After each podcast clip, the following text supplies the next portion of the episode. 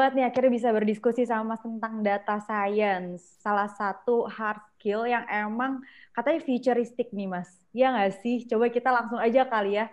Uh, langsung dengar paparan dari Mas Yozanya gitu. Seberapa keren ya sih seorang data scientist gitu. Oke. Okay. Oke, okay. uh, eh, aku bisa start. Uh, apakah uh, screen-nya udah aman? Ya, aman-aman Mas. Oke, okay, good. Uh, selamat sore teman-teman. Uh, terima kasih sudah hadir ini di sesi terakhir. Um, jadi harapannya nggak nggak jadi sesi yang melempem ya. Semoga ini teman-teman bisa mengambil manfaat dari uh, yang saya akan sampaikan. Oke, okay, uh, hari ini saya lebih tepatnya mungkin kayak ditodong ya untuk menceritakan tentang belajar basic coding data dari ahlinya. Sebenarnya saya nggak ahli-ahli banget dan dan dalam artian uh, saya tidak menempuh um, apa ya pendidikan formal ya untuk uh, data science karena pada masa itu tahun 2014 2015 uh, belum ada uh, yang uh, kampus yang punya jurusan data science gitu ya. Beda dengan sekarang mungkin sudah ada beberapa yang punya jurusan data science. Jadi sedikit tentang saya. Saya dari ITS uh, tahun 2010 uh, angkatan 2010 kemudian um, beruntung dibiayai, uh, dibiayai oleh negara untuk ambil S2 juga di ITS. Uh, selesai tahun 2016, um, kebetulan juga uh, saya salah satu uh, Google Cloud Certified untuk Associate Cloud Engineer, uh, dan saya juga mendapatkan uh, penghargaan sebagai Intel Innovator on IoT, AI, dan Machine Learning.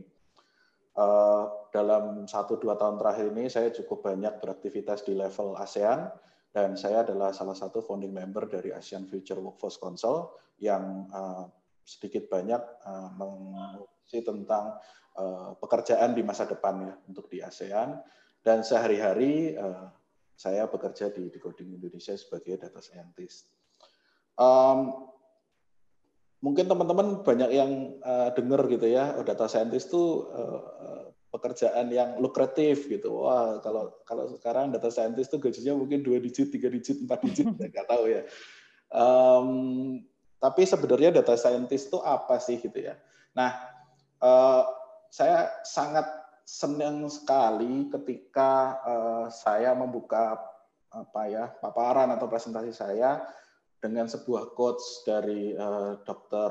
Edward Deming ini salah satu apa ya panutan data scientist eh, dari Amerika yang mengatakan bahwa uh, without data you are just another person with an opinion gitu. Jadi ketika kita itu ngomong uh, tanpa data ya ya itu tidak lebih dari sebuah opini gitu. Jadi data itu menjadi sesuatu yang sangat penting ketika kita berhadapan dengan orang lain termasuk itu bos kita atau tim kita atau partner atau mungkin klien maka uh, data ini menjadi hal yang sangat penting. Nah, di 2, 3, 4 tahun terakhir ini, role data scientist itu sangat uh, ini ya, sangat populer gitu. Uh, oh ini kalau kartu namanya data scientist tuh kayaknya keren banget gitu. Uh, kayak scientist beneran, padahal uh, nggak berhubungan sama laboratorium dan mikroskop gitu kan. Kalau scientist beneran kan risetnya harus di lab gitu ya.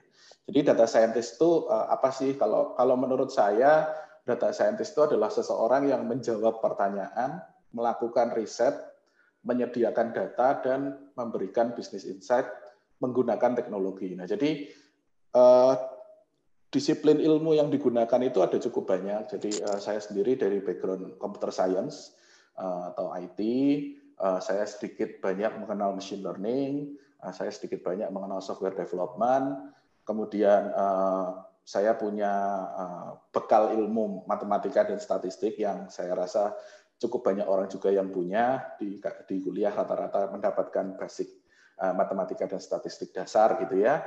Dan ditambah dengan ketika kita sudah dua atau tiga tahun berada di sebuah perusahaan atau berada di di, di beberapa perusahaan dengan uh, domain knowledge atau business knowledge yang sama maka kita bisa menyediakan bisnis insight dari apa yang uh, kita punya datanya. Nah, uh, di sini sepertinya kayak oh oke okay, itu berarti harus orangnya harus IT, kalau enggak harus jurusan statistik. Enggak, enggak, enggak gitu. Jadi semua ilmu ini sekarang sangat bisa dipelajari dari mana aja. Um, salah satu tim saya, uh, data scientist, uh, not per se data scientist, tapi pekerjaan dia sehari-harinya uh, mirip dengan pekerjaan data scientist, itu lulusan fisika. Artinya uh, tidak harus dari jurusan uh, yang disebutkan di sini ya, ada uh, computer science, ada math dan statistik, dan ada uh, bisnis misalnya. Jadi yang penting sih lebih ke bagaimana kita memiliki skill-skill itu yang bisa dipelajari dari mana aja gitu. Nah, tapi eh, di pernyataan saya tadi di eh, bagian terakhir saya bilang menggunakan teknologi. Kenapa? Karena eh, ada alasannya kenapa kita harus menghadapi data yang kita punya ini dengan teknologi. Eric Smith dari Google tahun 2010 bilang bahwa sejak peradaban manusia ada sampai sampai dengan tahun 2003 itu hanya ada 5 exabyte information. 5 eh, exabyte itu eh, setara dengan 5 miliar byte gitu. Jadi eh, giga, tera, ya gitulah pokoknya di atas itu gitu. 1000 tera kalau saya nggak salah. Jadi sekitar 5.000 atau 5 juta tera. Antara peradaban manusia berawal sampai dengan 2003. Nah, tapi di tahun 2010 ketika Eric Smith dari Google ini ngomong, dia bilang jumlah 5 exabyte itu sekarang dihasilkan setiap dua hari. Artinya eh, kita nggak mungkin ya berperang tanpa senjata. Gitu. Kalau kita menghadapi yang mungkin orang-orang sebut sebagai big data, ya kita harus pakai teknologi. Nggak mungkin kita kita lagi minta eh, misalnya data itu di print terus kemudian di, dilihat satu persatu di kertas gitu ya. Jadi kita harus smart dan menggunakan teknologi untuk itu. Nah, um, mungkin banyak yang nanya, Mas, gimana dulu uh, mulai data scientist gitu ya? Nah, uh, mungkin kalau yang lain uh, baru belajar uh, komputer itu SMA, kuliah, uh, saya cukup beruntung punya keluarga yang cukup suportif dan uh, di umur mungkin 6-7 tahun uh, saya udah bersentuhan dengan spreadsheet ya. Uh, teman-teman lihat yang di sebelah kiri ini mungkin kayak aduh itu itu apa ya gitu ya. Uh, tampilannya jadul amat masih pakai hitam putih dan hijau gitu ya di situ. Uh, buat teman-teman ini adalah nenek moyangnya Excel. Uh, namanya Lotus 123 waktu itu. Jadi uh, kita belum bisa pakai mouse di situ. Uh, komennya itu yang di atas worksheet, range, copy itu uh, saya kenal mungkin kelas 1 atau kelas 2 SD uh, kalau saya wow. itu kelas ya itu. Intinya intinya saya sudah cukup kenal dengan spreadsheet uh, bagaimana bagaimana uh, menggunakan spreadsheet. Tentu waktu itu otodidak ya dan uh, setelah itu saya sempat uh, bersentuhan dengan yang namanya DBase atau uh, zaman dahulu yang namanya database uh, sederhana di lokal komputer itu seperti yang di kanan namanya DBase uh, database-nya dalam bentuk file begitu. Jadi uh, saya cukup beruntung uh, bisa mengenal uh, hal-hal ini lebih awal gitu ya mungkin dibandingkan teman-teman yang lain. Jadi uh, saya nggak tahu apakah ini bisa misalnya kalau anak sekarang nyebutnya itu privilege sekali ya, tapi uh, uh, sebenarnya sih mungkin saya adalah anak yang uh, nggak punya teman uh, dari dulu emang introvert di rumah mainannya sama komputer sebenarnya gitu kan kalau anak sekarang gitu ya. Jadi uh, saya cukup beruntung untuk uh, bisa belajar hal-hal ini dan zaman dahulu uh, hal-hal kayak gini bisa bisa dipelajarinya hanya lewat buku ya. Jadi uh, kalau ke Gramedia, eh jadi sebut jadi sebut merek ya. Jadi, ke toko buku gitu ya, ke toko buku nyarinya buku-buku komputer ya. Orang-orang juga sampai bingung gitu kalau kalau yang melihat yang di toko buku biasanya anak-anak kan ke komik ke itu ya. Kalau saya dulu sukanya baca-baca majalah komputer, baca-baca uh, buku-buku tentang uh, komputer waktu itu. Nah, tapi kan uh, ya seperti layaknya anak Indonesia biasa, uh, saya uh, uh, SD, SMP, SMA di kuliah di di sekolah biasa ya, di sekolah normal uh, dan uh, sebenarnya gimana sih hal ini bisa menjadi akhirnya serius gitu. Jadi uh, Yosa ini kan udah deket uh, dengan komputer gitu ya. Terus gimana sih sebenarnya uh, uh, hal menjadi data scientist atau menjadi programmer ini jadi sesuatu yang serius? sebenarnya uh, ini mulai ke tahun 2012 atau 2013 ya. Jadi uh, teman-teman mungkin uh, sekarang sangat familiar dengan yang namanya flight radar. Uh, ini adalah uh, web untuk tracking pesawat ya, secara simpel. Um, tapi kalau orang biasa mungkin uh, melihat flight radar ya udah gitu, misalnya mau jemput mau jemput saudara di bandara gitu, atau uh, mau lihat pesawatnya udah landing atau belum misalnya, hanya seperti itu. Tapi ketika tahun 2013 itu saya mulai proposal untuk uh, tugas akhir uh, sebagai seorang yang suka ngoprek, saya punya punya apa ya keingin tahuan gitu, punya uh, saya curious dengan sebenarnya gimana sih flight radar itu bekerja gitu. Um, dan riset sana sini, otodidak sana sini, um, beli alat uh, dari luar negeri, nunggu 2-3 bulan sampai datang di Indonesia, uh, riset dan sebagainya Terus kemudian saya uh, mengajukan uh, topik skripsi dengan ini dan bahkan uh, sampai dengan tesis saya itu akhirnya membahas tentang ini gitu. Jadi akhirnya pada akhirnya untuk untuk memecahkan uh, untuk tahu bagaimana flight radar bekerja itu saya butuh tiga tahun dan akhirnya sampai bisa nulis jurnal tentang itu. Jadi uh, uh, ini kalau ditanya how things get serious ya ini gitu. Jadi ketika uh, uh, saya kemudian uh, skripsi, kemudian te, uh, tesis berhubungan dengan data, berhubungan dengan stream dan sebagainya itu akhirnya tertuang di di artikel jurnal yang ada di sebelah kanan. Gitu. Jadi itu itu awalnya gitu dan itu juga yang akhirnya Eh, sedikit banyak membawa saya untuk dapat penghargaan Intel Innovator yang tadi gitu. Jadi dianggap bahwa sudah punya riset, punya produk dan sebagainya. Oke, okay. uh, itu cerita tentang saya gitu. Nah sekarang cerita tentang teman-teman. Uh, ini pasti pertanyaan yang sangat sering, uh, sangat mungkin muncul dari teman-teman. Sebenarnya kalau aku tuh bukan orang siapa-siapa, nggak kenal, mungkin nggak nggak seberuntung saya kenal komputer dari uh, kecil gitu ya, dari SD mungkin dan sekarang kabarnya uh, pelajaran komputer itu dihilangkan dari dari SMP dan SMA, setahu saya. Uh, bagaimana sebenarnya memulai belajar data science dan coding? Dan um, buat saya uh, untuk belajar data science dan coding itu uh, ada beberapa tips dan beberapa hal. Jadi ada dua tips dan ada tiga hal. Uh, tips yang pertama, uh, teman-teman tentu tahu ini Rubik dan uh, Rubik ini uh, salah satu bentuk uh, problem solving dalam artian kita harus muter-muter uh, gitu ya, uh, nyamain uh, layernya, nyamain warnanya gitu kan udah sampai langkah terakhir, aduh ini gimana ya gitu. Nah sebenarnya coding itu nggak beda dengan menyelesaikan Rubik gitu. Cuman permasalahannya tidak hanya Rubik gitu. Jadi coding itu adalah sebuah model problem solving dan uh, ketika kita meng, uh, uh, kalau ditanya lo coding kan harus pakai teknologi di coding uh, uh, itu adalah problem solving yang menggunakan tools. Artinya toolsnya bisa komputer, bisa bahasa pemrograman. Jadi uh, tetap yang namanya coding itu adalah uh, problem solving, jadi menjawab, uh, mencari solusi dari sebuah masalah.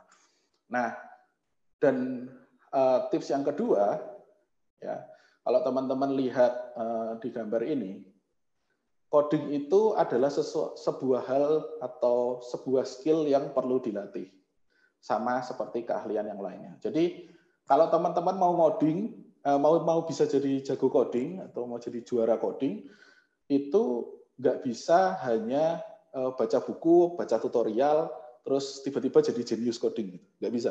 Sama seperti seorang perenang ya, atau seorang pelari, itu nggak bisa jadi juara lari dengan cara baca buku. Ya, dia harus latihan, harus sparring, harus uh, dapat masukan dari uh, pelatihnya, gitu kan. Mungkin ada pelatihnya, ada dosis makanan yang perlu di di apa ya dipatuhi sama juga dengan coding. Jadi coding itu sama seperti keahlian-keahlian yang lainnya. Yang pertama dia uh, uh, tadi uh, problem solving dan yang kedua adalah perlu latihan. Jadi uh, kalau ada yang orang bilang jadi jago coding dalam satu hari. Jangan percaya. Nggak akan bisa. Ya.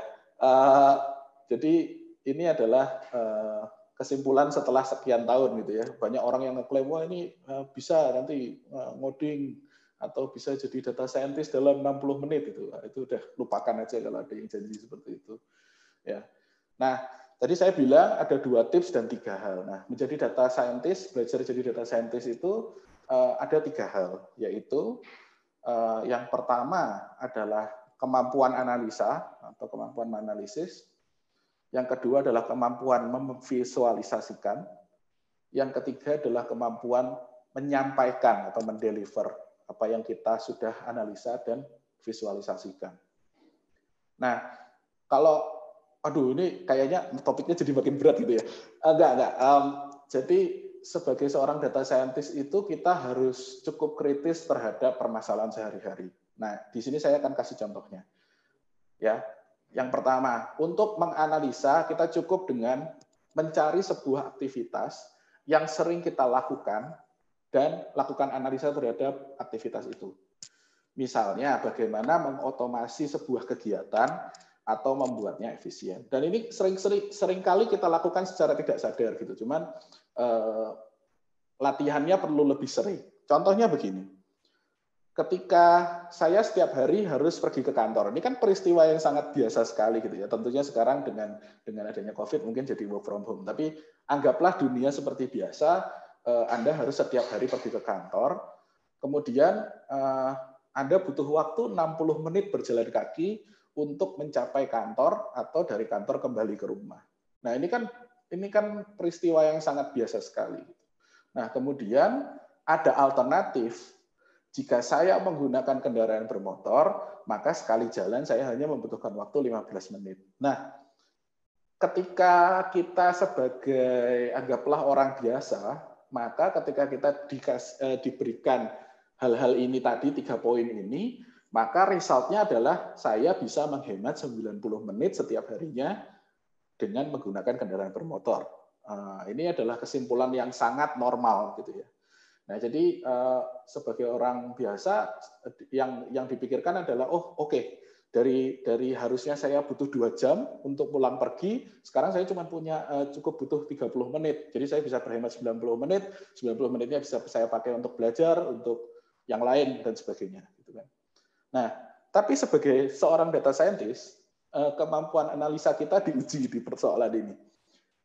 Misalnya, saya menyiapkan uh, ada beberapa hal yang harusnya dilihat oleh seorang yang ingin menekuni data scientist ya untuk melihat kemampuan analisanya. Bisa nanya, cuma itu aja gitu. Nah, eh, kalau seorang data scientist akan melakukan analisa seperti ini misalnya. Kalau kita menggunakan kendaraan bermotor, maka berapa harga kendaraan bermotornya yang harus kita beli dan pengeluaran yang terkait dengannya. Tadi kan di statement yang pertama tadi, di cerita tadi kan nggak dibahas ya soal uh, harga kendaraan motor bermotornya berapa, uh, ada pengeluaran enggak dan sebagainya. Kita cuma melihat satu sisi gitu, satu frame bahwa itu adalah waktu gitu yang kita ukur. Tapi kita nggak mengukur bahwa oke, okay, saya sekarang berarti harus beli sepeda motor atau mobilnya gitu kan misalnya. Terus kalau kita punya sepeda motor ya dia nggak bisa jalan jalan begitu aja dong. Dia harus pakai uh, ada bensinnya, ada olinya, uh, gimana maintenance-nya dan seterusnya.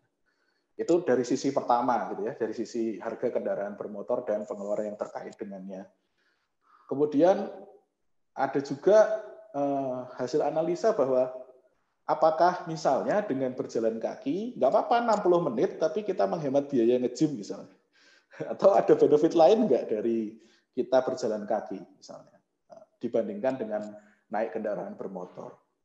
Terus eh, hal yang lain lagi misalnya sebenarnya ada nggak sih alternatif lain di antara jalan kaki dan kendaraan bermotor yang kita miliki sendiri. Misalnya naik kendaraan umum atau eh, kita bisa nebeng temen misalnya atau apa pun gitu. Jadi sebagai seorang data scientist eh, kita dituntut untuk bisa melihat dari berbagai sisi, dari berbagai eh, point of view, dari berbagai sudut pandang. Jadi ketika kita hanya oke okay, kita punya statement ini misalnya. Terus ya udah resultnya satu. Nah, itu itu nggak data scientist banget gitu. Jadi seorang data scientist dia harus selalu menanyakan kenapa, kenapa, kenapa, ada alternatif lain enggak, eh, ada kemungkinan lain enggak dan seterusnya. Oke. Ini case yang case yang sangat sangat simpel ya. Ini soal kita dari rumah ke kantor gitu ya. Nah, Uh, mungkin kalau kita coba sekarang yang terkait dengan uh, event ini misalnya, Bellshare ya. Saya adalah seorang event organizer yang menyelenggarakan acara dengan ribuan peserta atau puluhan ribu peserta. Kemudian saya harus mengirim email konfirmasi kepada setiap peserta yang mendaftar dalam sebuah form. Namun isi emailnya, konten emailnya berbeda untuk setiap kategori isian. Misalnya yang mau ikut sesi pagi sama sesi siang beda, atau uh, untuk peserta perempuan sama peserta laki-laki beda misalnya. Nah, kemudian karena saya melakukan ini secara manual, maka saya menghabiskan 80% waktu kerja saya untuk mengirim email tersebut. Nah, ini kan jadi sebuah hal yang perlu diefisiensi gitu. Masa seorang uh, event organizer tapi 80% waktu kerjanya dihabiskan untuk ngirim email gitu kan nggak penting banget gitu ya. Kayak kayak harusnya saya nggak dibayar untuk ini gitu saya harusnya dibayar untuk kerjaan yang lain gitu. Nah jadi misalnya pertanyaannya adalah bagaimana saya bisa menghemat waktu kerja saya. Nah sebagai seorang data scientist uh, yang dibayangkan tentu uh, saya nggak ngasih terlalu banyak tapi sekali lagi ada tiga hal yang pertama misalnya kalau kita menggunakan form tertentu dan formnya itu online, apakah dia sudah punya mekanisme balasan otomatis yang bisa kita setup misalnya. Jadi eh, banyak eh, form, misalnya Google Form atau yang lain, itu punya mekanisme balasan otomatis. Nah, masalahnya adalah apakah balasan otomatisnya itu sudah sesuai atau belum. Nah, itu jadi pertanyaan kedua.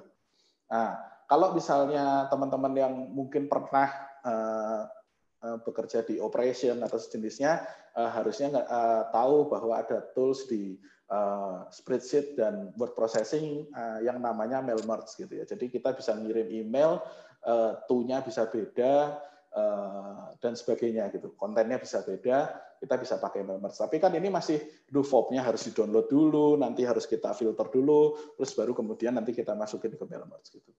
Nah, kalau uh, yang mengerti coding pertanyaannya beda lagi gitu.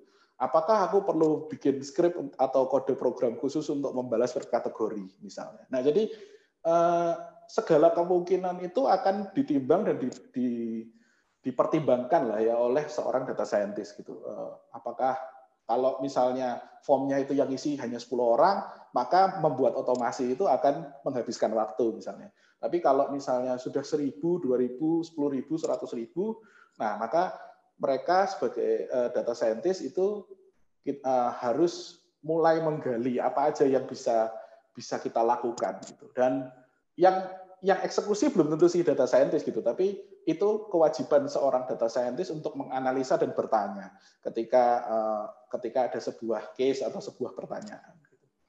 Nah, jadi ini gambaran buat teman-teman bahwa profesi data scientist itu kadang-kadang setiap hari eh, dimintanya untuk menjawab pertanyaan, tapi kita bisa aja ngebales orangnya dengan pertanyaan lain gitu.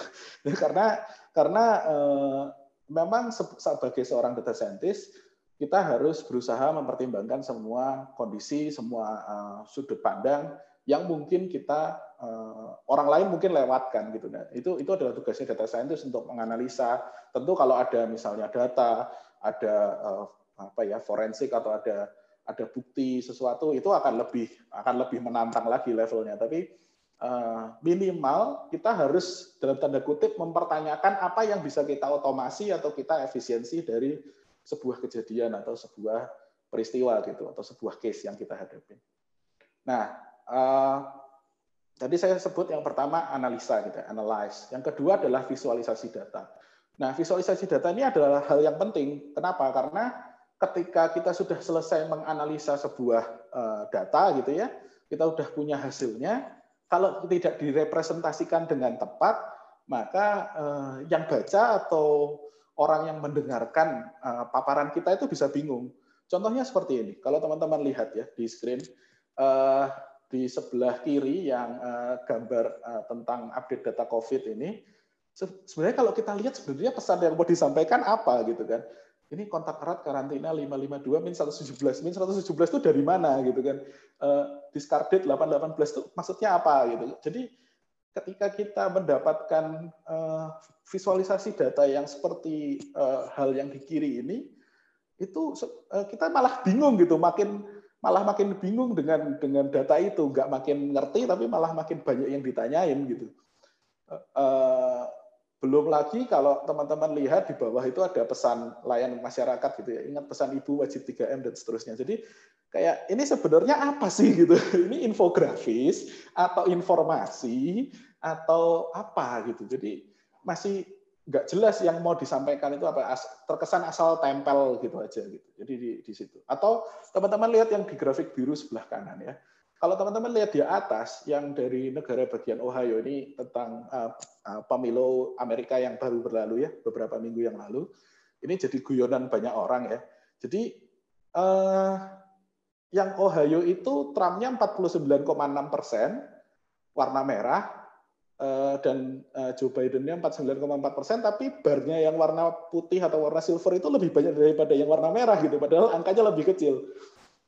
Uh, jadi jadi sebenarnya ini yang benar yang mana gitu? Apakah memang Biden yang menang tapi prosentasenya tertulis salah misalnya 50,4 harusnya misalnya atau memang Trump yang menang gitu. Jadi ketika kita melakukan kesalahan dalam visualisasi data, orang yang baca atau orang yang menyerap informasi dari kita itu bisa jadi bingung gitu. Ini sebenarnya yang benar yang mana gitu. Jadi nggak membuat sesuatu makin clear, malah membuat sesuatu jadi makin Eh, membingungkan gitu. Nah, kalau teman-teman misalnya, oh ya udah ini kan ilmu dasar ya, oh, bikin grafik, bikin uh, apa ya, bikin infografis gitu, atau ah ya udahlah aku nggak usah mikirin ini kasih orang di kafe aja. Nah, uh, tapi sebagai seorang data scientist kita harus uh, minimal memberitahu mana yang make sense dan mana yang enggak untuk dilakukan gitu. Contohnya seperti ini kalau teman-teman uh, lihat tabel di layar, ini kan terkesan seperti oh ya udah oke okay, ini ini adalah data pengukuran temperatur di eh, kota-kota di Amerika gitu ya atau di negara bagian di Amerika. Ini tanggal 1 dan tanggal 2 Januari dan seterusnya mungkin tabelnya panjang ke bawah. Kemudian ada location-nya, ada temperaturnya. Tapi sebenarnya data ini kalau misalnya ini kita ambil panjang gitu ya selama setahun, bakalan ada ada informasi yang bisa kita dapat nggak sih gitu? Oh oke, okay. kayaknya sebagai ilmu uh, charting gitu ya, ilmu membuat grafik, kita coba plotting gambarnya menjadi grafik uh, garis atau uh, line ya, line chart. Hasilnya seperti ini. Oh oke, okay.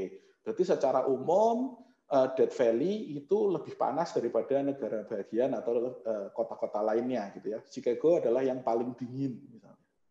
Nah tapi ini apakah ini cukup menjawab atau enggak sangat tergantung pertanyaannya gitu. Nah, kalau kita melihat misalnya kaitannya dia dengan misalnya kebakaran hutan atau dengan uh, apa yang lain misalnya yang yang sangat ber, uh, panas bumi misalnya atau uh, apa polusi misalnya. Nah, apakah apakah grafik ini cukup atau enggak gitu. Nah, Salah satu opsi yang lain yang belum umum misalnya adalah memplotting uh, tabel yang di sebelah kiri tadi menjadi sebuah uh, heat map. Ya, jadi dengan heat map ini kita bisa lihat bahwa oh oke, okay, memang rata-rata memang uh, lebih panas di bulan Juli misalnya, tapi yang paling panas tetap Death Valley dan itu secara konsisten Eh, eh, gradual ada di setiap bulan kenaikan dan penurunannya. Kemudian eh, di Houston itu sedikit terdampak karena mungkin berdekatan lokasinya. Misalnya seperti itu. Jadi kita bisa mempresentasikan atau memvisualisasikan data dengan berbagai macam cara dan itu sangat tergantung konteks yang kita butuhkan. Jadi kalau dengan heat map ini mungkin orang lebih gampang mencerna gitu dibandingkan grafik garis yang ada di sana. Eh, orang mungkin lebih gampang berasosiasi dengan warna misalnya. Karena sebenarnya kan kalau kita lihat di tabel kiri ada 25,6 ada 25,5 sebenarnya kan itu nggak terlalu relevan ya bedanya antara 25,6 atau 25,5 orang tahunya pokoknya oh oke okay, 20-an misalnya gitu. Jadi uh, itulah yang tertuang dalam uh, heat map itu dan uh, line chart. Jadi sekali lagi kalau di visualisasi data ini kita nggak bisa bilang uh, 100% benar sama 100% salah, tapi yang jelas misi kita utamanya adalah bagaimana orang yang kita berikan datanya itu bisa ngerti dengan apa yang kita sampaikan. Intinya kan seperti itu. Nah, tadi uh, hal pertama adalah analisa, hal kedua adalah visualisasi data, ya. Dan yang terakhir adalah bagaimana kita mendeliver atau bagaimana kita uh, menyampaikan. Bisa aja kita harus presentasi misalnya di depan direksi atau di depan stakeholder misalnya, atau cukup dengan mengirimkan sebuah spreadsheet, ya. atau bahkan kita perlu melibatkan teknologi yang kompleks. Uh, sebagai gambaran, teman-teman di sebelah kanan ini adalah salah satu uh, stack atau teknologi yang dipunyai oleh Google. Jadi ketika kita punya sensor, kita punya on-premise data dan sebagainya, kompleksitinya udah bisa sampai level itu gitu. Kalau kalau teman-teman mau melihat uh, level teknologinya yang dipunyai oleh Google gitu. Jadi ini sangat tergantung dengan siapa klien kita, siapa yang kita hadapi, Eh, apakah misalnya sesama data scientist misalnya atau ini bos kita atau ini klien kita atau ini apakah ini disampaikan satu kali disampaikan setiap minggu disampaikan uh, real time misalnya uh, deliverynya bisa beda. Tapi teman-teman uh, bisa mempelajari bagaimana tadi menganalisa kemudian setelah menganalisa teman-teman melakukan visualisasi yang benar dan yang terakhir bagaimana teman-teman bisa mendeliver informasi yang teman-teman sudah hasilkan tadi kepada uh, orang yang tepat dengan cara yang tepat. Gitu. Nah, um, closing dari saya uh, karena saya juga di sini uh, sebagai representatif dari Decoding. Jadi uh, kita punya kelas dasar visualisasi data yang teman-teman bisa ikutin gratis, tidak perlu bayar, teman-teman cukup login, register ke Decoding, bisa belajar kelas ini gratis, bahkan bisa dapat sertifikat, sertifikatnya bisa di-share di LinkedIn. Uh, apa sih, uh, bagaimana mengakses kelas ini, teman-teman bisa klik uh, decoding.id slash bdvd, nanti aku akan share di uh, chat ya, kalau teman-teman mau. Prasyaratnya adalah prasyarat sangat dasar, mampu mengoperasikan komputer dengan baik, tidak ada prasyarat pemrograman, Anda harus mandiri, berkomitmen, gigih, dan seterusnya Eh, yang penting pakai komputer karena eh, untuk mempelajari visualisasi data ini kita akan menggunakan Google Sheets. Jadi harusnya ini tool yang sangat sangat ini ya sangat umum semua orang bisa pakai. Tapi ada beberapa rahasia Google Sheets yang teman-teman bisa uh, pelajari di kelas ini. Dan so far ada lebih dari 16.000 siswa yang udah belajar di kelas ini. Dan kalau teman-teman ini di antara yang hadir ini mungkin ada yang mahasiswa, ya. Eh, kebetulan Decoding adalah satu-satunya Google Authorized Training Partner di Indonesia. Google uh, sedang membuka program yang namanya Bangkit.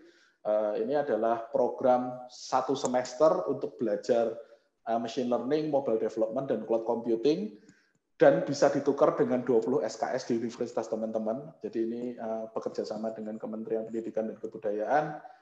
Ini juga gratis, jadi teman-teman ada 3.000 seat. Kalau teman-teman mahasiswa uh, sudah memenuhi beberapa kriteria yang ada di sana, teman-teman bisa ambil kesempatan ini. Uh, linknya di bawah ada g.co slash bangkit. Oke, okay, eh, saya kira itu aja teman-teman penyampaian dari saya. Uh, semoga bermanfaat. Dan kalau ada yang mau didiskusikan, kita bisa diskusi lebih banyak di chat room. Eh, teman-teman bisa email saya yosa@decoding.com atau samperin saya di sosial media LinkedIn, Facebook, Twitter, Instagram @yosa1404. Thank you. Aku kembalikan ke Pak Syarofah. Ya, terima kasih Mas Yoza. Menarik banget ya. Aku baru tahu tadi uh, kalau bisa disummarize sedikit adalah di awal tiga basic yang harus dipersiapkan as a data scientist adalah tadi bisa menganalisa dengan uh, jeli ya. Hmm. Kemudian juga selain itu bisa memvisualisasikan gitu apa yang sudah dianalisa sebelumnya dan kemudian juga nggak cuma visualisasi aja tapi juga bisa mendeliver data-data tersebut gitu ya Mas ya kurang ya. lebih. Nah buat teman-teman nih bisa juga tuh uh, nanti ya bagi teman-teman yang berminat untuk jadi data scientist bisa juga nih nanti uh, lihat-lihat kulik-kulik di di di coding uh, Instagramnya atau langsung ke Instagramnya Mas Yoza mungkin gitu ya. Nah, uh, oke, okay. mungkin langsung aja nih, uh, biar nggak berlama-lama lagi di Q&A juga udah ada lumayan banyak pertanyaan. Uh, ada dari Mbak Chris Chrysler Om Pusunggu. Jadi kalau misalnya dia bertanya, baiknya nih usia berapa sih Mas untuk mulai belajar coding? Kalau tadi Masnya udah belajar spreadsheet dari um, dari kelas 7 ya, eh umur 7 tahun maksudnya. Ya. Wah, ya ini kalau untuk belajar coding gimana nih Mas baiknya? Uh, ya, ini ini pertanyaan banyak orang ya. Uh, hmm itu sama dengan uh, pertanyaan mungkin 10-15 tahun yang lalu bagaimana hmm. mempersiapkan anak saya jadi PNS gitu. karena okay. Karena orang tua pengen hal yang terbaik ya buat anaknya. Benar-benar. Uh, eh, pada prinsipnya gini, uh, ada ada pengetahuan komputasional uh, yang dinamakan computational thinking dan itu adalah hal-hal dasar problem solving. Um, hmm. Kalau di kita mungkin kita lebih mengenal itu sebagai soal cerita matematika. Jadi diketahui, ditanyakan, dijawab hal-hal semacam semacam hmm. itu. Uh, itu bisa diajarkan mulai dari uh, tingkat uh, SD uh, hmm. dan itu ada uh, ada info bahwa di kurikulum mendatang saya nggak tahu di kurikulum yang mana itu akan mulai masuk. Jadi bukan codingnya tapi computational thinking dalam artian ini adalah problem solving ya sebenarnya secara sederhana. Sekali lagi tadi di salah satu slide saya saya bilang bahwa coding itu adalah problem solving yang menggunakan tools. Jadi sebenarnya mau pakai apa pun, mau pakai pulpen, mau pakai spreadsheet, mau pakai uh, coding, uh, mau pakai bahasa pemrograman, itu sebenarnya adalah sebuah problem solving gitu. Jadi hmm. uh, bisa dimulai dari hal-hal sederhana sih, maksudnya uh, tidak perlu langsung oh harus dijejelin langsung coding gitu. Um, saya sendiri personally mengetahui coding itu ketika mungkin SMP kali ya, SMP kelas 2, kelas 3. Dan itu otodidak ya, maksudnya saya enggak, orang tua saya enggak suruh ini kamu belajar coding, enggak. Jadi eh, kebetulan waktu itu saya punya ketertarikan terhadap itu. Eh, dan kalau kita lihat pun di, di bootcamp untuk yang anak-anak gitu ya, kalau kita kan sekarang mengenal kayak bootcamp-bootcamp untuk programming itu, biasanya sih dikenalinnya melalui game yang eh, puzzle atau game-game yang uh, apa ya coding blocks gitu ya menyusul menyusun urutan uh, permasalahan dan solusi kayak gitu. Jadi uh, dan itu bertahap dan sebenarnya sih bisa mulai mungkin uh, SD yang udah agak uh, ini ya kelas 3, kelas 4, kelas 5 tapi jangan langsung ke codingnya karena kalau langsung ke coding uh, banyak kasus itu traumatik jadi Uh, mungkin karena bapaknya seorang uh, engineer gitu ya, terus dari bayi aja dikenalin coding gitu, nah, itu jadi kayak traumatik justru. Jadi saya sih terus terang nggak menyarankan untuk terlalu dini ya mungkin kelas hmm. SD kelas 3 atau kelas 4. Oke, semoga menjawabnya ini Mbak Chrysler. Uh, Oke, okay. Selanjutnya ini ada question. Um, mungkin kalau tadi introduction, sekarang lebih ke proses nih. Hmm. Learning path yang benar itu urutannya gimana ya, Mas? Ini dari uh, Mas Farhan Hanafi. Oke, okay. mau jawaban mau jawaban diplomatis atau mau jawaban beneran? kalau kalau jawaban bedanya? diplomatis belajar di decoding sudah ada hmm. learning pad-nya. Oh gitu. Oke. Okay. kalau diplomatis jawaban, sekaligus promotif ya Mas ya. Ya. Kalau jawabannya uh, aku bisa bilang sih bahwa uh, untuk ilmu data scientist ini belum ada apa ya Uh, learning path yang bisa dibilang baku 100% pasti work gitu. Uh, seperti tadi yang aku cerita, backgroundku adalah uh, IT, computer science, kemudian sedikit terekspos matematika dan statistik, dan akhirnya dengan business knowledge yang aku punya bisa masuk ke sana. Kemudian timku ada yang dari jurusan fisika. dalam banyak kasus Eh, beberapa teman-teman di unicorn data scientistnya berasal dari jurusan misalnya matematika, statistik, bahkan aktuaria gitu yang hmm. yang banyak berurusan dengan apa ya uh, mungkin kalau dulu asuransi ya taksiran dan sebagainya. Hmm. Jadi sebenarnya uh, kalau learning path yang benar bisa aja sih mulai dari mana aja bisa mulai dari uh, apa statistiknya misalnya atau mulai dari belajar uh, bahasa pemrogramannya bisa pakai Python atau R misalnya. Atau bahkan untuk mengolah data-data sederhana kayak tadi yang saya ceritakan gitu menyelesaikan masalah-masalah sederhana gitu. Karena di situ kan tadi uh, di salah satu slide saya sebutin bahwa itu ada ada ada banyak aspek gitu. Ada aspek uh, teknologinya, ada aspek datanya, ada aspek statistik atau matematikanya, dan ada juga statistik problem solvingnya gitu. Jadi uh, sorry ada ada ada bagian problem solvingnya. Jadi ini adalah multi uh, ilmu yang cukup multidisiplin, uh, tidak ada patokan, tapi ya uh, bisa belajar dari mulai dari mana aja sih. Yang penting nanti skillnya skill setnya harus dikompletin gitu. Hmm. Oke, kalau tadi Masnya ngebahas sedikit tentang aspek nih, kebetulan ada eh, pertanyaan yang berkaitan. Mas mau nanya nih pendapat Mas terhadap legal aspek data di Indonesia dan pendapat Mas baiknya seperti apa? Wah ini lebih lumayan tough. Ya ini ini isu yang sensitif ya. Iya. uh, negara-negara lain sudah punya undang-undang perlindungan data uh, konsumen terutama, tapi sebenarnya kalau menurut saya ya. Uh, semua yang dilakukan oleh saya nggak mau sebut nama ya platform lah katakanlah gitu ya. Kita kita itu sekarang hidup sangat bergantung dengan teknologi sangat bergantung dengan platform. Ada sosial media ada platform video dan sebagainya.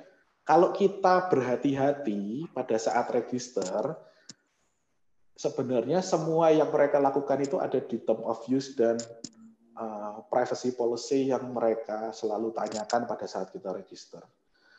Nah, kebiasaan orang Indonesia itu ya udah klik next saja. Iya benar. Nah, nggak pernah gitu. not, not even di scroll sampai paling bawah gitu. Iya, biar nah, cepet aja ya Mas ya. Jadi uh, kalau ditanya legal aspeknya bagaimana, mm. nggak bisa kita bilang ini adalah sebuah pencurian data atau apa scraping data atau apa pun, karena kita sudah setuju dengan itu saat kita mendaftar.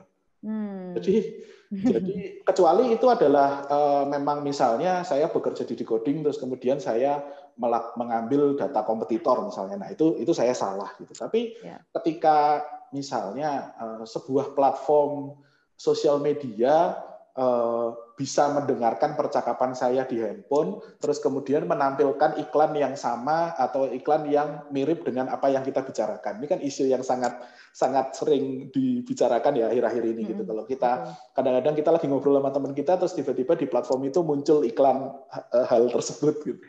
Nah, kalau buat saya sih eh, pilihannya dua, membiarkan itu ya sudah seperti itu karena kita sudah setuju atau ya uh, pergi dari platform itu. Karena karena di platform itu tidak ada opsi untuk kita mau berlangganan ke platform A itu atau platform B tanpa mereka mengambil data kita.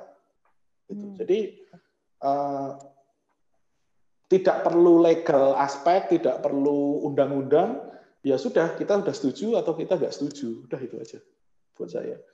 Jadi kalau ada yang tanya, loh mas ini gimana ya? Kita sekarang di internet, kehidupan kita sekarang semua uh, orang, maksudnya uh, perusahaan-perusahaan uh, dunia itu tahu gitu kita ngapain, uh, kita sama siapa dan seterusnya. Ya udah kalau nggak mau, nggak usah pakai headphone, nggak usah pakai komputer, udah hidup aja di dalam gua gitu. Kalau saya saya selalu bilang gitu. Jadi uh, nggak bisa gitu. Ya ya udah ya kita harus uh, kita bisa minimalisir, tapi uh, apa yang sudah kita setujui ya kita nggak boleh komplain. Iya, jadi balik lagi ya Mas, berhati-hati dengan teknologi hmm. itu sendiri. Oke, ini ada lagi pertanyaannya, lumayan menarik. Uh, kayak gini, seorang data scientist itu dilahirkan atau bisa dipelajari, Mas Yoza? Misalnya logikanya tidak kuat, apa bisa belajar dari belajar data science? Kalau tadi Mas Yoza bilang kita harus latihan, tapi sebenarnya ini juga uh, sedikit berkaca sama uh, sama aku nih mas karena hmm. sempat nih adikku itu baru mau masuk kuliah terus hmm. kemudian aku sedikit mau menyarankan dia untuk masuk ke data science gitu hmm. tapi juga uh, ketika dilihat lagi aduh logika logikanya mampu nggak ya gitu apakah uh, jadi kayak khawatir juga kalau hmm. dia terlalu terpressure gitu loh hmm. hmm. dengan uh, data scientist yang memang cukup ini ya kompleks ya kalau dibilang. ya dan uh, dan dan kekhawatiran itu uh, beralasan. Jadi hmm. buat beberapa orang itu sama sama seperti menanyakan apakah saya bisa ya masuk ke uh, jurusan komputer dari IPS misalnya, hmm. um, atau saya bisa nggak sih sebenarnya uh, masuk ke uh, universitas fakultas ekonomi padahal saya uh, dari SMA jurusan IPA gitu. Jadi Kalau menurut saya sih di ilmu data scientist ini semuanya bisa dipelajari, semuanya bisa dilatih. Ini bukan dan apalagi yang kita hadapin ini bukan soal nyawa manusia ya. Maksudnya kalau kedokteran itu kan beda gitu. Eh, ini kan kita menghadapi sebuah hal yang eh, apa ya?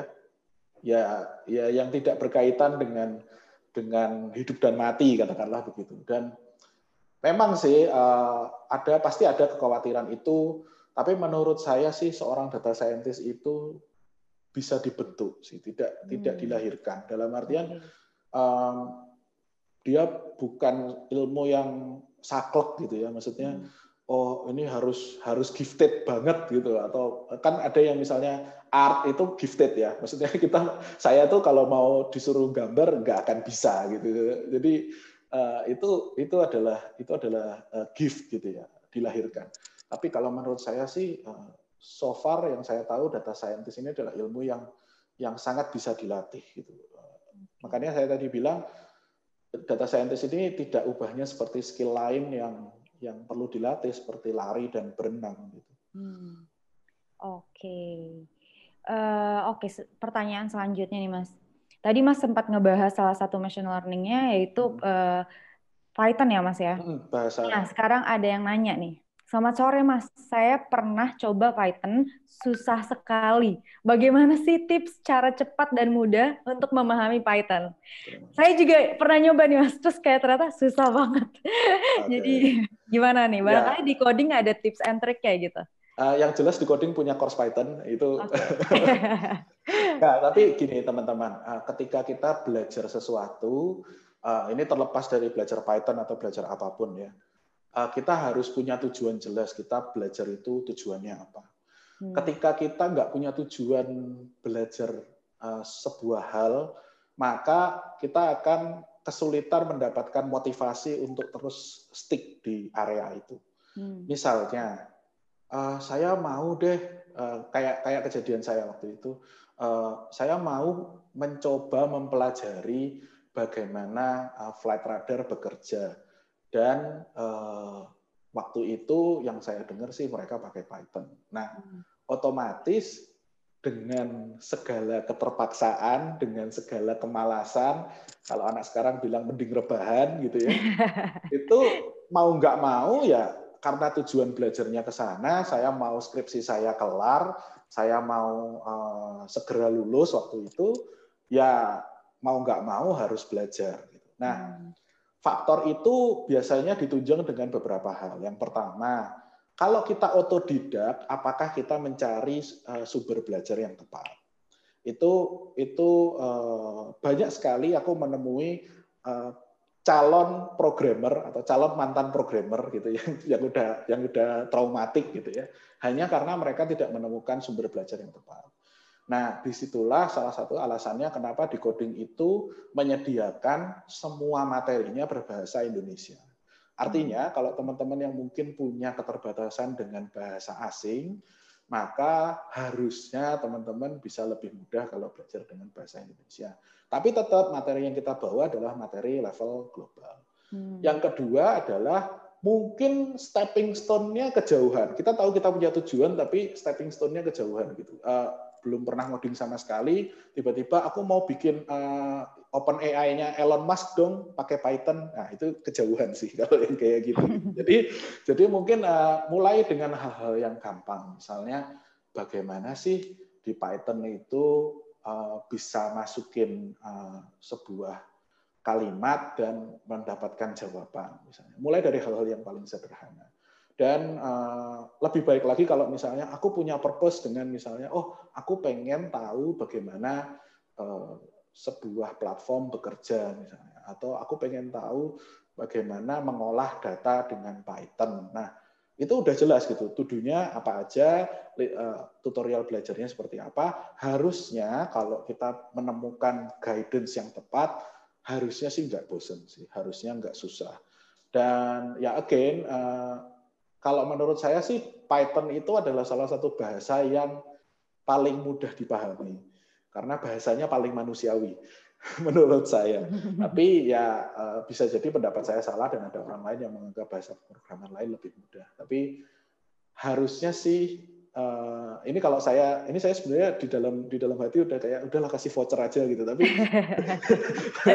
tapi by the way di decoding itu teman-teman bisa trial bisa coba bisa pelajari semua materinya 15 hari secara gratis jadi teman-teman mungkin bisa lihat-lihat siapa tahu tertarik di decoding kita punya kelas uh, itu tadi visualisasi data kalau itu gratis dan kelas Python itu teman-teman bisa trial 15 hari jadi cobain dulu siapa tahu mungkin selama ini harusnya memang ke decoding misalnya gitu kan. Uh, tapi uh, again aku sih merasa teman-teman kalau mau belajar harus ada tujuannya, harus ada purpose-nya mau ngapain. Betul sekali. Ya, oke. Okay. Mas, ada satu lagi nih. Hmm, ini tentang current issue. Mungkin kalau tadi lebih ke data science-nya, kalau kita ini langsung ke business case-nya nih, Mas. Hmm. Uh, ada yang nanya, pendapat Mas di investment Telkomsel ke Gojek in terms of data itu gimana sih? apakah ada opportunity produk yang baru dengan data-data gabungan dua perusahaan data besar tersebut kan Telkomsel besar dan Gojek juga hmm. pastinya database-nya gede banget kan Mas hmm. itu gimana nih menurut hmm. sudut pandang Mas Yoza? Ya uh, sebagai data scientist kita harus menanyakan ya sebenarnya motifnya hmm. apa dan sebagainya gitu. Tapi hmm. uh, saya terus terang uh, uh, baca sekilas tentang berita ini, hmm. uh, saya saya dengar kabar juga ada uh, beberapa perusahaan masuk ke Tokopedia misalnya begitu. Hmm. Dan saya rasa sih uh, kalau Telkomsel masuk ke Gojek uh, kepentingannya cukup uh, ada cukup banyak ya. Misalnya uh, apakah Eh, bisa ada kerjasama strategis dalam hal let's say uh, semua drivernya Gojek menggunakan Telkomsel, let's say, hmm. misalnya gitu. Itu itu udah captive market yang besar sekali kan driver hmm. Gojek itu berapa hmm. juta misalnya gitu. Hmm. Itu itu hal yang di permukaan gitu. Hmm. Atau misalnya uh, apakah dengan uh, uh, Telkomsel masuk ke Gojek itu akan bisa uh, men, men apa ya? Menambahkan khazanah data dari kedua perusahaan tentang behavior pembelian orang, tentang uh, lalu lintas orang dan sebagainya. Jadi uh, sebagai data scientist tentu kalau kita ada di luar dua perusahaan ini ya ya kita hanya bisa menebak-nebak ya. Tapi menurut saya sih ya ini murni uh, keputusan bisnis bahwa hmm. bahwa Gojek itu adalah sebuah sebuah company yang uh, sangat apa ya sangat Eh, menarik untuk semua untuk semua bidang ya.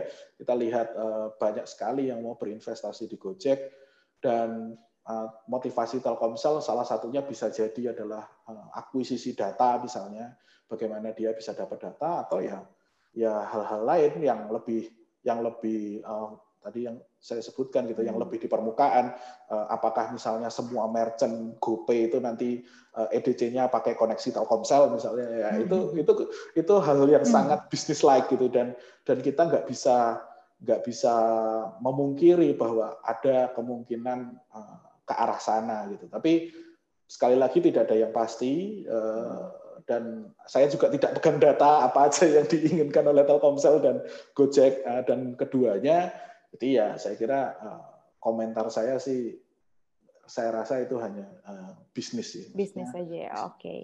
Satu pertanyaan terakhir nih Mas okay. untuk uh, menutup sesi ini sekalian. Uh, ada dari Bapak Hirochan, hmm. apakah di masa depan profesi ini akan rentan tergantikan oleh AI robotik? Nah, loh, nah, udah secanggih data science, apakah masih tergantikan, Mas? Gini, um, uh, gini. Jadi banyak orang yang eh, khawatir dengan adanya AI, dengan adanya robot, maka eh, pekerjaan kita itu akan tersisihkan. Gitu. Mm -hmm. Ada yang bilang bahwa operator helikopter dan uh, kameramen itu sekarang digantikan oleh drone, katakanlah gitu. Apakah mm -hmm. apakah uh, semua profesi akan demikian? Jawabannya menurut saya adalah uh, selama kita bisa beradaptasi, uh, kita nggak akan kalah oleh AI atau robotik Um, kalau sampai kita merasa bahwa pekerjaan kita itu bisa dilakukan oleh robot, ya berarti kita waktunya untuk shift cari pengetahuan, hmm. reskill atau upskill ke hal yang lain yang nggak bisa digantikan oleh robot gitu. Ya, yeah, agree. jadi, jadi misalnya, uh, let's say kayak um, katanya Open AI-nya Elon Musk itu dalam beberapa bulan terakhir sudah bisa menulis program Hmm. Oke, okay, uh, terus berarti programmer akan hilang? Enggak juga gitu. Hmm. Tapi uh, mungkin jumlahnya berkurang. Uh, jumlah programmer misalnya awalnya cuma butuh 100 programmer, eh sorry awalnya butuh 100 programmer, uh, sekarang hanya butuh 10 misalnya. Kenapa? Karena 90% workforce itu digantikan oleh mesin. Nah, jadi, uh, tapi kan ada juga uh, kemungkinan lain. Nah, yang orang yang harus memprogram si AI atau si robot tadi berarti sekarang makin banyak, gitu kan? Sebenarnya 90 orang tadi bisa aja geser dari awalnya mungkin program bikin website jadi program robot atau program AI. Nggak ada nggak ada salahnya juga gitu. Hmm. Uh, ada yang orang yang bilang loh sekarang itu satpam udah digantikan oleh CCTV. Oh ya, jadilah orang yang membuat eh, AI untuk CCTV-nya gitu kan. Hmm. Jadi yeah. selama kita mau kita siap untuk berubah sih nggak akan ada, maksudnya kita tergeser. Ya pasti ada pasti ada perubahan dan perubahan itu sesuatu sebuah hal yang pasti gitu kan. Tapi uh, selama kita mau berubah sih kita nggak perlu khawatir harusnya. Iya, setuju banget, Mas. Jadi selalu mengupgrade diri ya, Mas ya. Betul, betul. Ya, oke. Okay. Oke, Mas Yoza, pertanyaan terakhir tadi uh, sekaligus penutup dari kita uh, sesi ini. Ini sebenarnya ada pertanyaan yang masih belum terjawab. Mungkin bisa langsung ditanyakan ke Mas Yoza kali ya di Instagramnya di follow. Boleh, boleh, boleh. Iya, di, di Instagramnya apa Mas? Eh, uh, Yoza 1404. Ya, at Yoza 1404. Silakan teman-teman bisa uh, tanyakan langsung ke Mas Yozanya. Uh, mohon maaf sekali sesi kita berakhir sampai di sini. Uh, ini juga sekaligus menutup Wallshart Festival 2020. Nah, Mas Yoza, terima kasih banyak atas waktunya, sangat insightful sekali. Semoga di lain waktu bisa ngobrol-ngobrol lagi ya, Mas ya.